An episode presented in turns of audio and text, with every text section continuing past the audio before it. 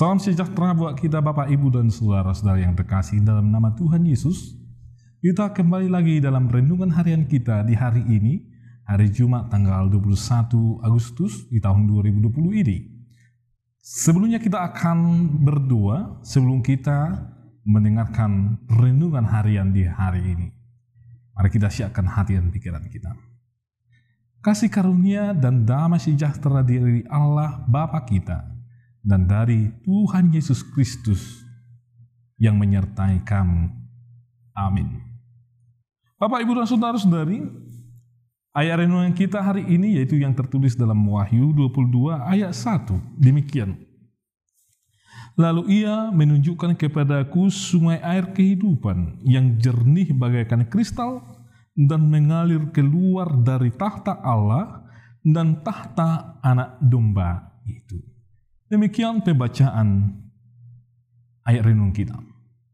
Bapak, Ibu, dan Saudara-saudari,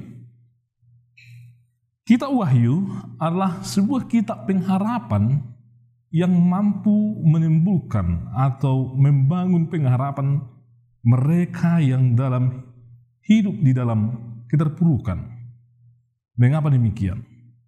Karena dahulu di zaman penulisan kitab Wahyu ini ada penderitaan yang begitu luar biasa yang dialami oleh orang-orang percaya kepada Tuhan Yesus. Termasuk Yohanes sendiri yang menuliskan kitab Wahyu ini. Banyak dari antara mereka yang mengalami siksaan akibat iman mereka percaya kepada Tuhan Yesus. Tentu penderitaan mampu membuat seseorang itu terpuruk, hancur, atau sulit untuk bangkit dari kehidupannya. Untuk itulah Allah datang melalui sebuah penglihatan kepada si Yohanes pada waktu itu. Agar si Yohanes menuliskan segala sesuatu yang dia lihat yang dinyatakan oleh Allah kepada dia tentang bagaimana sebenarnya masa depan dari orang-orang yang percaya kepada Tuhan. Bagaimana, apa tujuan kehidupan dari Orang-orang yang percaya kepada Tuhan, orang-orang yang setia kepada Tuhan, bahkan mereka yang mampu memikul salibnya hanya karena percaya kepada Tuhan. Untuk itulah ketika mereka membaca kitab Wahyu ini, timbul pengharapan di dalam hati dan pikiran mereka, timbul semangat baru di tengah-tengah orang-orang percaya pada waktu itu, meskipun mereka dalam keadaan terpuruk karena siksaan yang mereka alami dari kekaisaran Romawi itu, Kaisar Domitianus. Di saat ini Bapak, Ibu, dan Saudara-saudari, ada begitu banyak sekarang orang-orang yang tidak percaya kepada Tuhan. Tantangan terbesar kita bukanlah mereka yang mencoba untuk menghalangi kita untuk beribadah. Tapi tantangan terbesar sekarang adalah muncul dari gerakan-gerakan orang-orang yang berpikir rasional saat ini. Yang kadangkala mereka mempertanyakan eksistensi Tuhan. Apakah Tuhan itu benar-benar hadir di tengah-tengah kehidupan? Apakah Tuhan itu benar-benar memberikan dampak di tengah-tengah kehidupan orang-orang di tengah-tengah dunia ini? Mereka mempertanyakan itu saat ini dan ini sedang berkembang terutama bagi mereka yang menganut paham rasionalisme saat ini yang sangat berkembang terutama di negara-negara maju dan orang-orang yang suka dengan pemikiran yang rasionalis tersebut. Untuk itu Bapak, Ibu, dan Saudara-saudari, memang orang-orang rasional ini ketika mereka menghadapi persoalan terberat dalam hidup mereka, ya ujung-ujungnya seperti itu mereka akan jatuh ke dalam keterpurukan, putus asa dan mereka tidak tahu mau ke mana lagi mengadu. Dan endingnya bisa saja mereka berakhir dengan begitu saja di tengah dunia ini. Apa yang dialami oleh orang-orang yang di kitab Wahyu ini tentu jauh lebih berat dari yang kita alami saat ini jauh lebih berat dari yang dialami oleh peristiwa-peristiwa tragis di tengah-tengah dunia saat ini. Namun mengapa mereka mampu untuk tetap setia memikul salib kepada memikul salib mereka dan setia kepada Allah? Tentu itulah karena firman Tuhan yang datang dari sumber yang benar kepada mereka sehingga firman Tuhan itu mereka hidupi.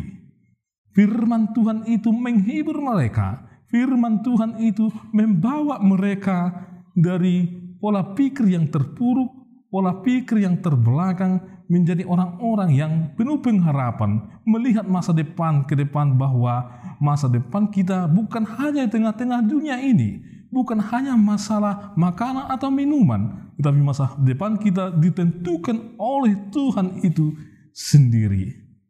Untuk itu Bapak Ibu dan Saudara-saudari, ternyata sumber air kehidupan, sungai kehidupan di tengah-tengah kehidupan orang-orang percaya adalah yang bersumber dari Allah dan dari anaknya, yaitu Tuhan Yesus Kristus, agar mampu melewati proses dinamika kehidupan di saat-saat terpuruk sekalipun. Untuk itu Bapak Ibu dan Saudara-saudari,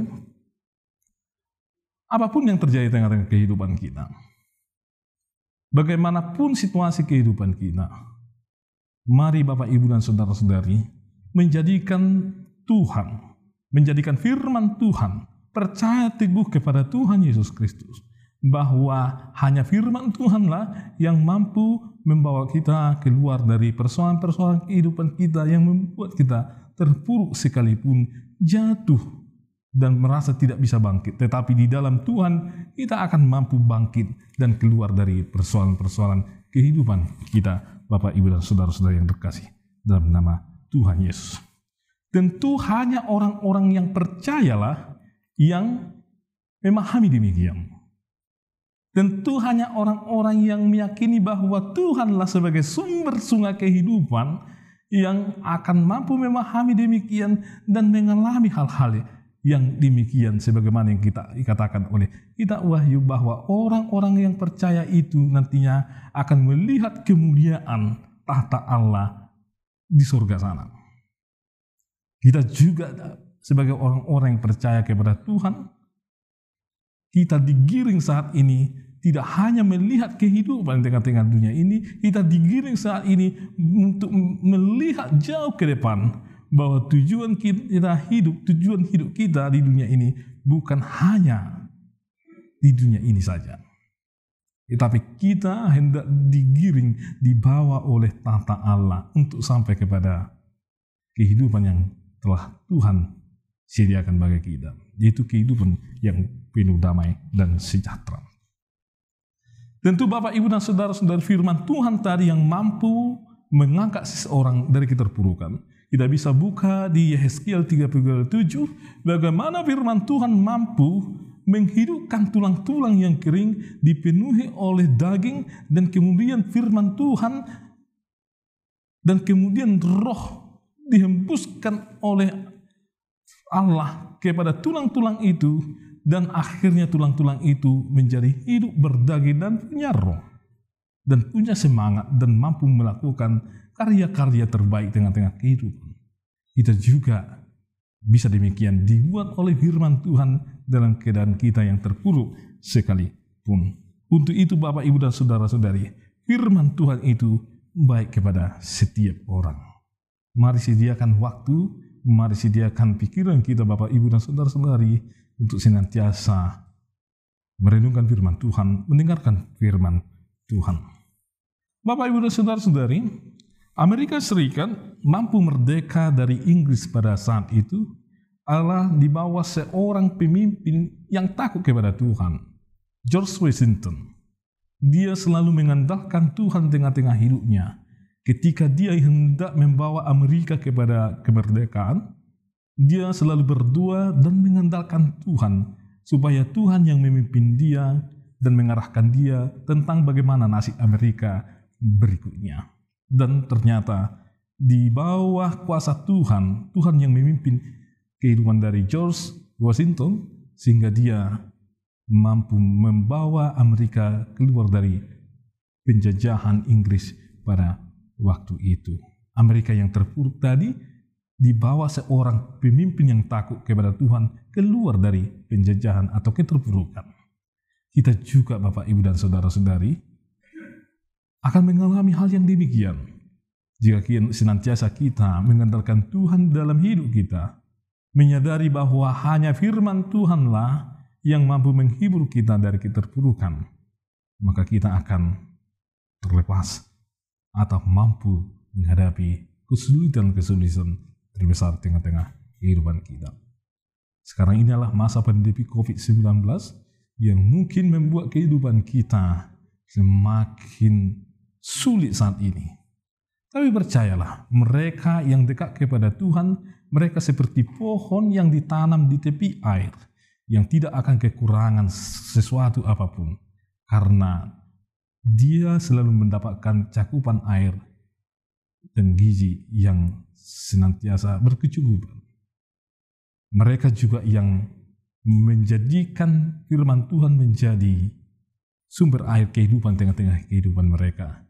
Mereka akan tidak putus asa di tengah-tengah kehidupan mereka. Namun percaya Tuhan akan memelihara kehidupan mereka.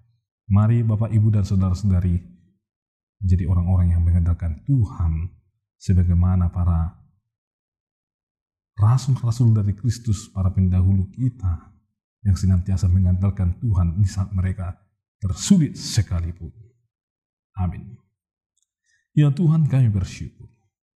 Bila hari ini kami ya Tuhan dikuatkan oleh firman Tuhan bahwa firman Tuhanlah yang menjadi sumber air kehidupan, sungai kehidupan bagi setiap orang-orang yang percaya kepada Tuhan. Baik di dalam kondisi suka atau duka sekalipun, Tuhan senantiasa akan menghiburkan setiap orang-orang yang berduka. Ya Tuhan, berkatilah jemaatmu dalam pekerjaan mereka, dalam segala tantangan kehidupan mereka. Firman lah yang menyapa mereka, yang mempersiapkan mereka ya Tuhan untuk memulai aktivitas mereka senantiasa ya Tuhan.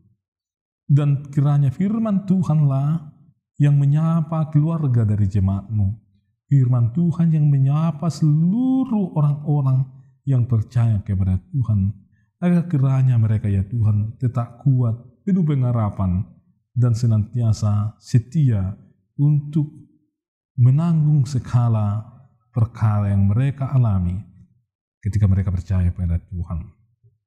Dan firman Tuhan yang menguatkan mereka untuk melanjutkan aktivitas mereka. Hanya dalam Kristus Yesus kami berdoa. Amin.